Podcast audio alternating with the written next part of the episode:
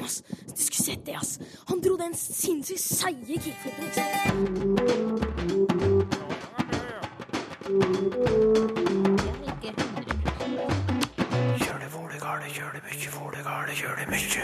Hvorfor velger ungdom rundt Bergen bort nynorsk? Jeg følte bokmål var mye enklere for meg å skrive. Jeg har ikke så veldig sånn strila dialekt. Ny forskning skal gi flere svar.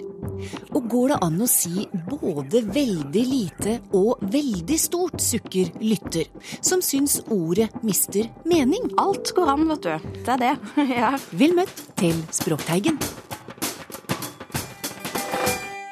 Hvorfor er det slik at ungdom rundt Bergen velger bort nynorsk? I kommunen Fjell på Sotra valgte halvparten av eleva nynorsk for ti år sia.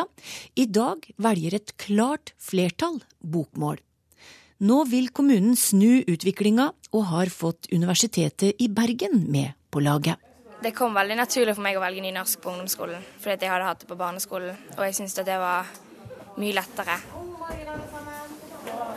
Pia Fagerbakke Lunde går i tiende klasse på Fjell ungdomsskole på Sotra. I denne klassen har alle valgt nynorsk som hovedmål.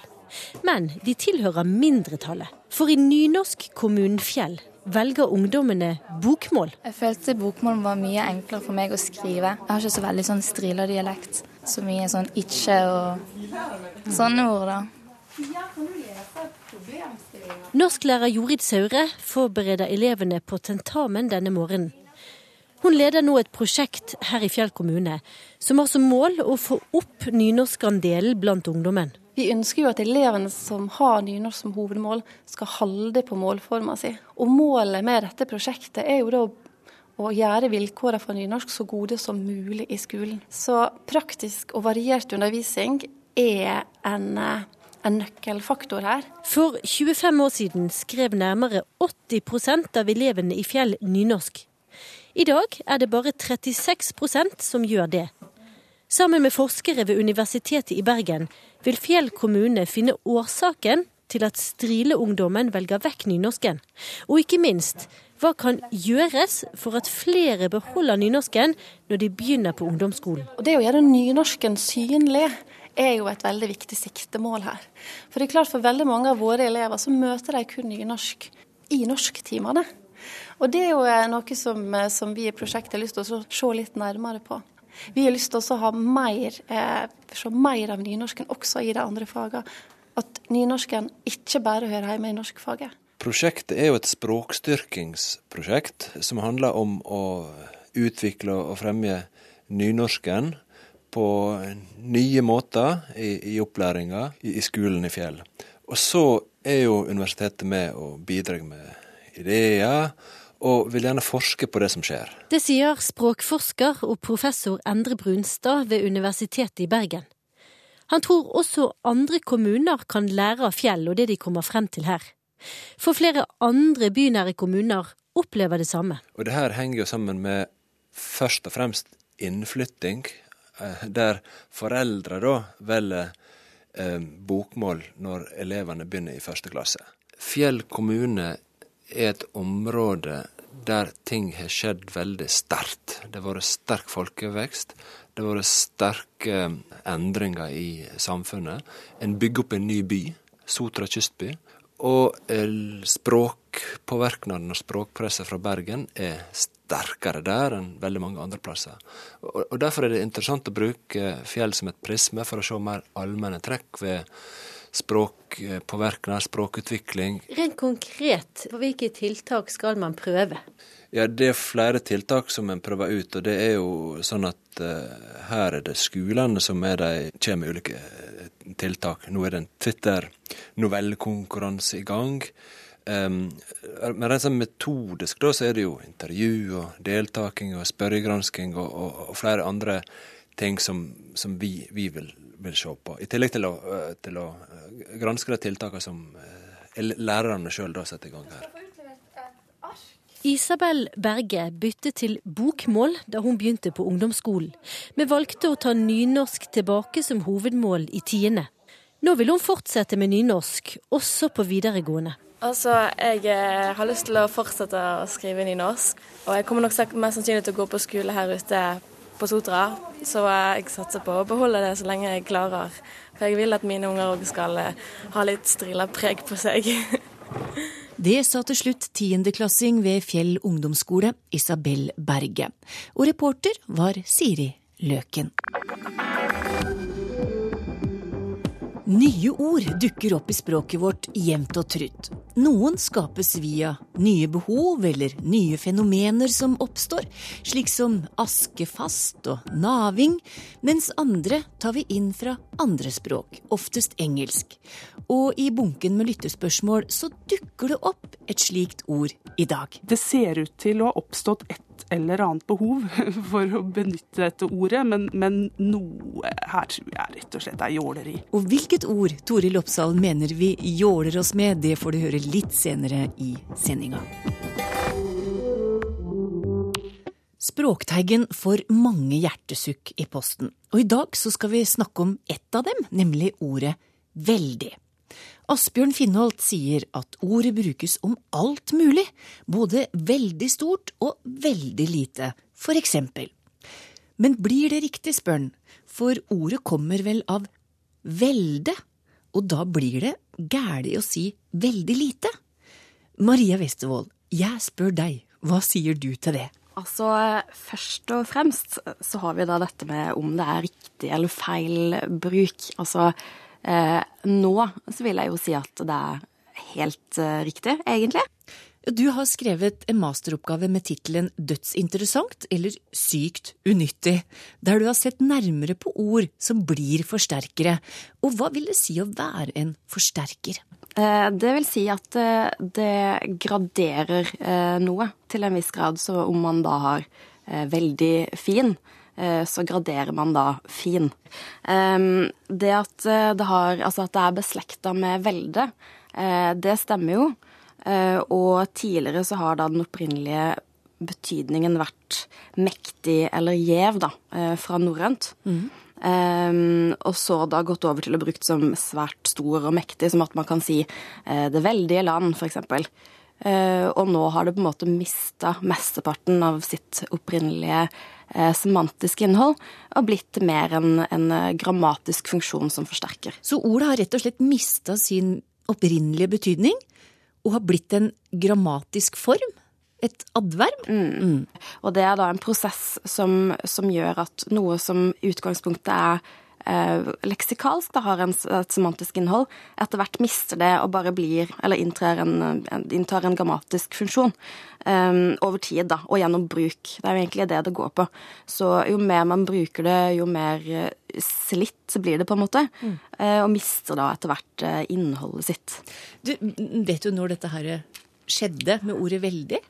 Du, det vet jeg faktisk ikke, men jeg tror det er ganske lenge siden. ja. Eh, men det som er litt gøy med det, er jo det at eh, veldig vil på en måte være forsterkernes mor eh, i Norge, egentlig. Mm -hmm. Og det samme kan man ha i andre språk, som f.eks. i engelsk 'very'.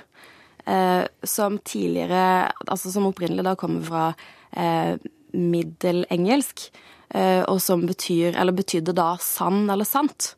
Eh, det gjør det jo ikke nå lenger. Nå brukes jo bare som en ren forsterker. Eh, det samme gjelder eh, ser i, i tysk, som opprinnelig betydde smertefull. og det betyr også bare veldig nå, hvis man skal oversette det. Og det samme med tre i, i fransk, som opprinnelig er fra latin og betydde gjennom. Som også bare betyr veldig nå. Så det er interessant at dette har skjedd da i flere språk enn bare norsk. Veldig er da forsterkernes mor. Ja. Vil det si at det er mange av dem? Eh, det vil si at altså, det er vel kanskje den som hovedsakelig er den som har blitt såpass eh, semantisk bleika, da. Eh, til å miste så å si alt opprinnelig semantisk innhold. Så ja, den er kanskje den som har gått først i rekka, på en måte. Hvilke andre er det vi har, da?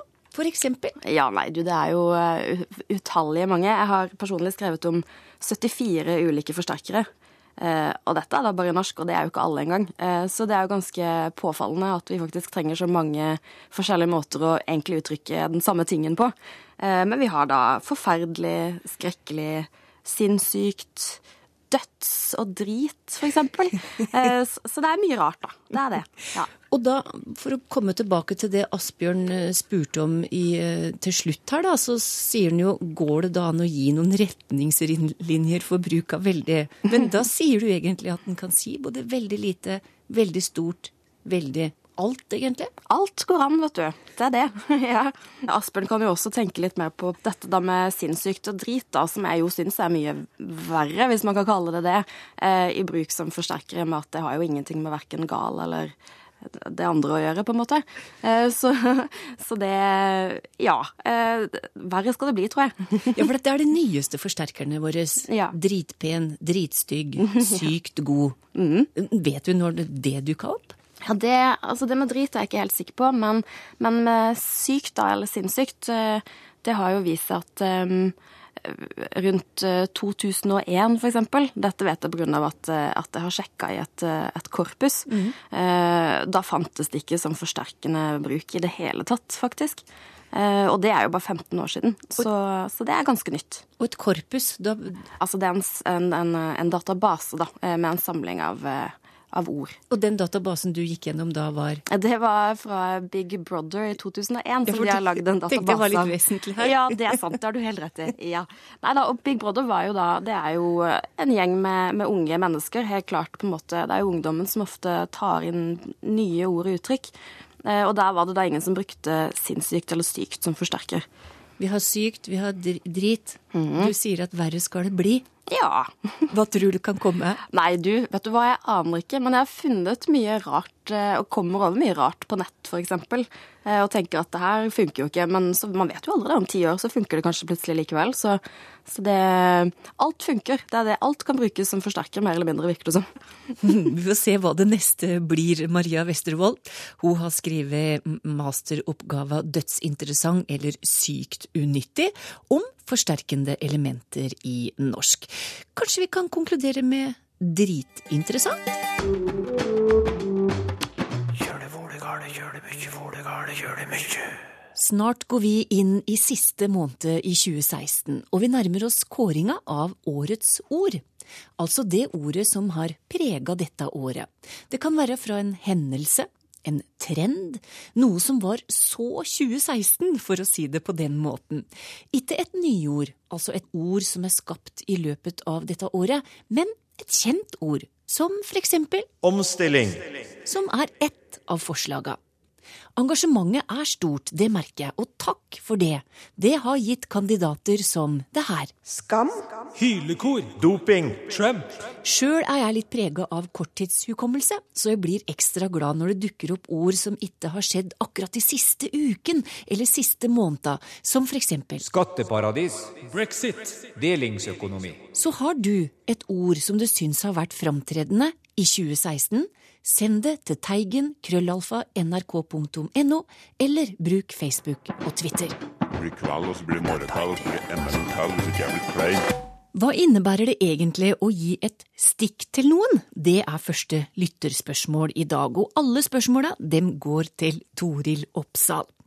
Og altså, det er Tor Christiansen som mener at dette uttrykket ser ut til å ha blitt et motebegrep når det brukes i betydningen å gi et spark til noen, eller i alle fall et smertelig stikk. Rart, syns han, for han har alltid tolka det som positivt å få et stikk, for eksempel i kortspill. Er jeg på jordet, eller, spør han. Er jeg på jordet, eller er jeg godt jorda, tror jeg. Sånn jeg, tror jeg, jeg, tror han er ganske godt jorda, for han har observert noe som definitivt ser ut til å være relativt nytt. Eh, og det er å gi et stikk til noen, i betydningen å gi et spark til noen. Eh, det å gi et spark betyr jo ofte å rakke ned eller være spydig mot noen. Mm. Eh, det er ikke urimelig å se for seg at et stikk kan brukes til det samme. Her er det ikke dette kortspillstikket som Tor Kristiansen nevner. Det er noe du får det er ikke noe du gir. Mm. Her er det snakk om å gi et stikk. Så det er nok det konkrete, det å stikke og pirke borti noen og såre dem lite grann. Eh, dersom vi skal skille mellom det å gi et spark til noen og gi et stikk til noen, så ser det for meg ut som et stikk til noen er lite grann mildere enn et spark. Her har det oppstått et behov for å uttrykke noe som er litt mildere enn et spark, og da ligger stikket der ganske oppe i dagen. Eh, dette er, kan være en sammenblanding av uttrykk. Det å gi et spark til og gi et stikk til.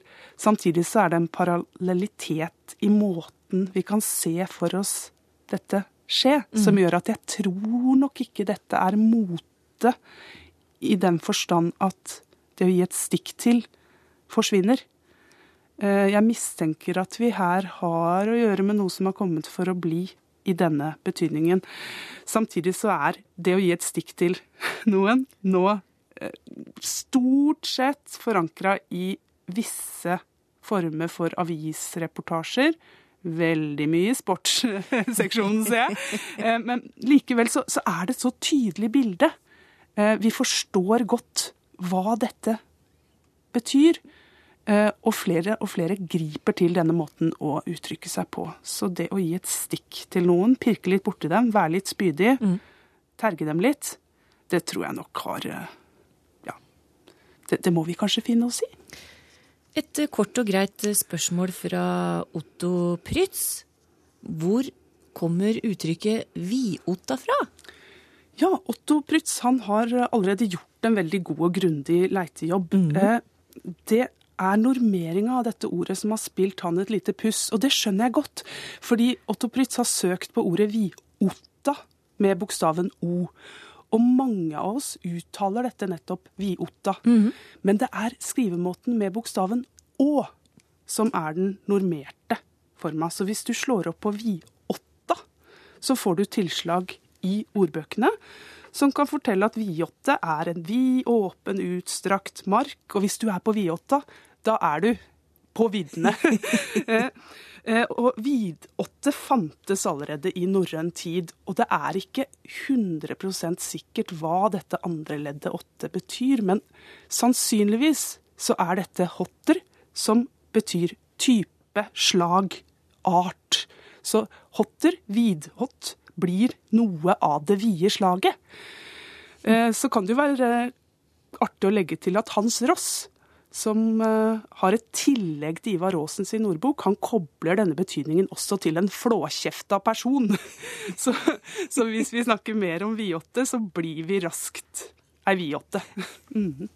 I Vilden sky, hva er opphavet til det, spør Therese Løvehjerte. For hun ville ha brukt de i en setning på denne måten. Du kommer med forslag i vilden sky og så ment at forslaga da kom ukritisk og uten sammenheng. Mm. Hva sier du til det, Toril? Ja, eh, når du gjør noe i vilden sky, så er det noe uhemma du gjør. Det er noe du gjør av hjertens lyst. Og i veldig mange tilfeller så dreier det seg om å lage lyd. altså å rope og synge og juble i vilden sky. Eh, og vilden, eller den eh, nynorskvarianten villan sky. Dette her er en stivna kasusform. For de som er glad i sånt, så er dette her nærmere bestemt en akkusativ form. Eh, jeg ser ikke noe grunn til å tro at skyen her er noe annet enn skyen på himmelen. Og at denne villskapen blir veldig veldig tydelig for meg hvis jeg nå kaster hodet bakover og roper opp i himmelen. Eh, det Therese spør om her, er om dette her passer om når man gjør noe ukritisk ja. og uten sammenheng. Ja.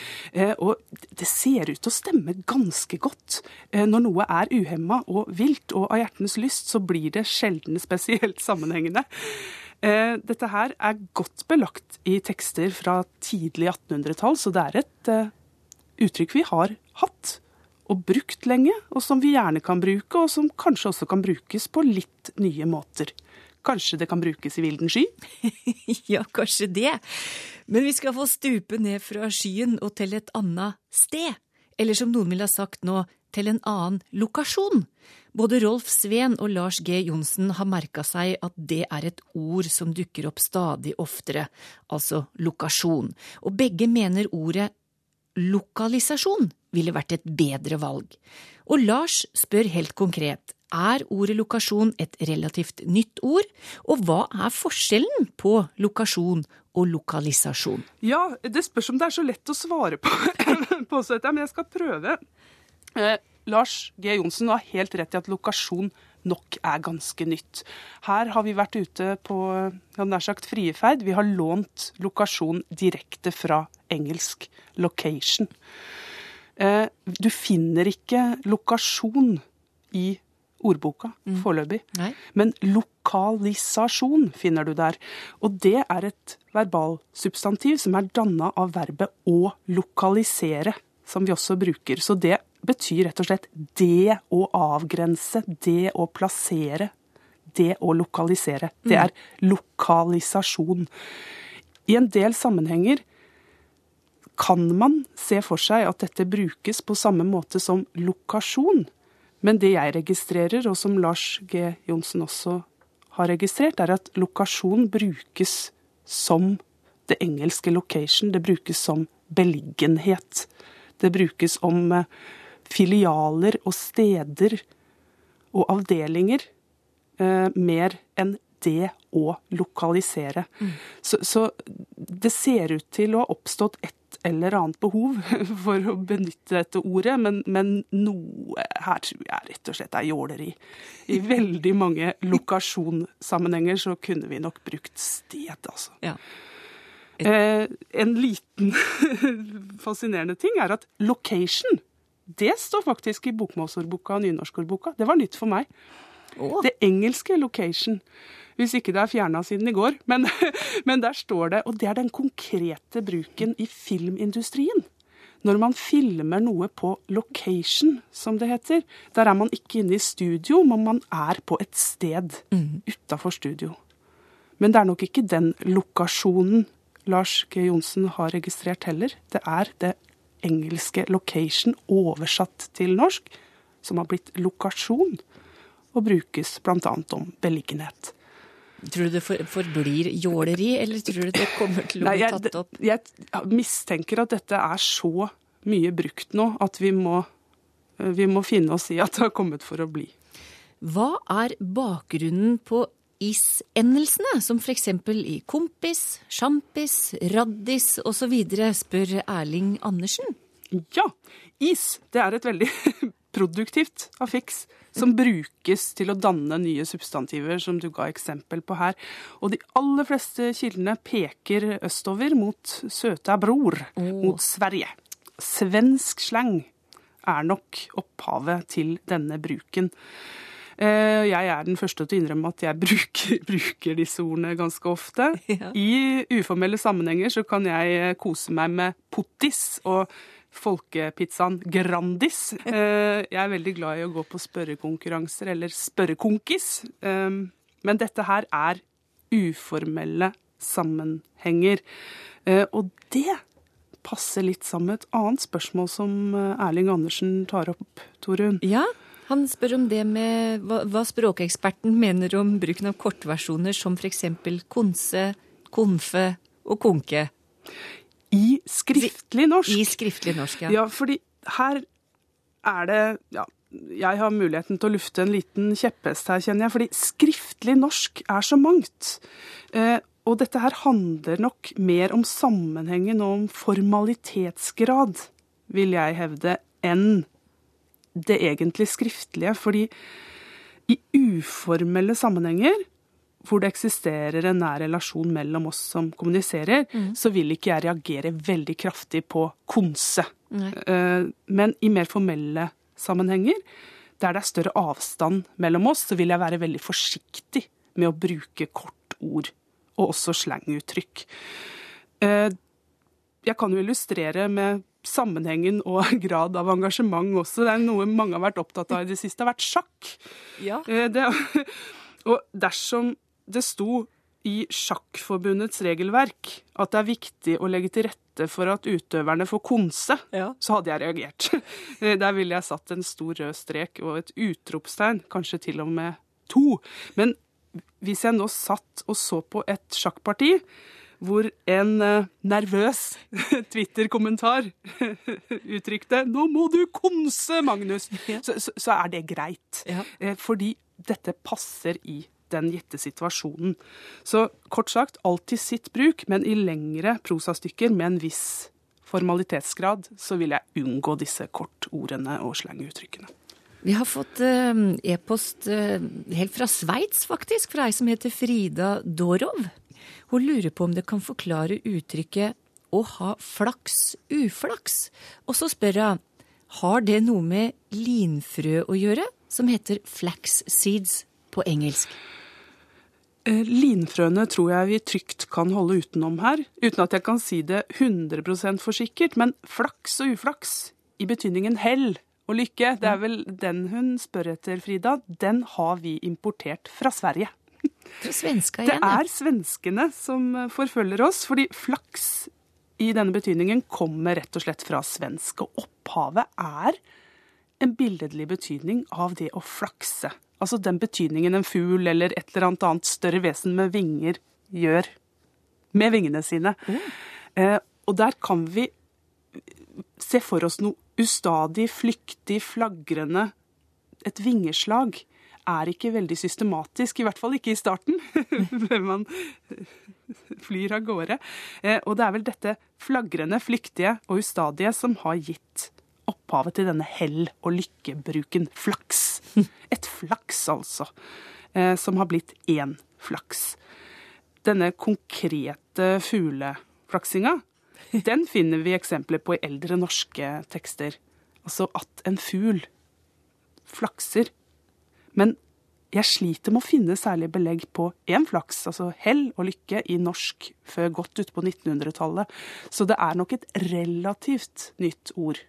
I nyere tid så har en ny stavemåte kommet inn, hvis folk liker å søke etter ord, og da har vi fått et skrapelodd. Men nå står vi vel i fare for å drive reklame igjen, fordi flaksloddet har kommet inn og blitt veldig populært. Jeg ser også at det er veldig mye brukt i, i eh, oppgaver i skolebøker eh, i, en periode, så, så flaks har også fått den betydningen. Men da har du Det er vel det, og det er vel det samme betydningen, det å Det er ha det. flaks? Det er det, men der har vi fått skrivemåten med X Ja. inn. Og den er vel litt fy-fy, da. Ja, Apropos saks apropos saks og saks. Ja. Skal vi ha flaks, så får vi ha det med KS enn så lenge, tror jeg. Ja. ja. Det som skjer nå, er i alle fall helt uavhengig av både flaks og uflaks. Tida vår er rett og slett ute, og Språkteigen takker for seg. Vi høres.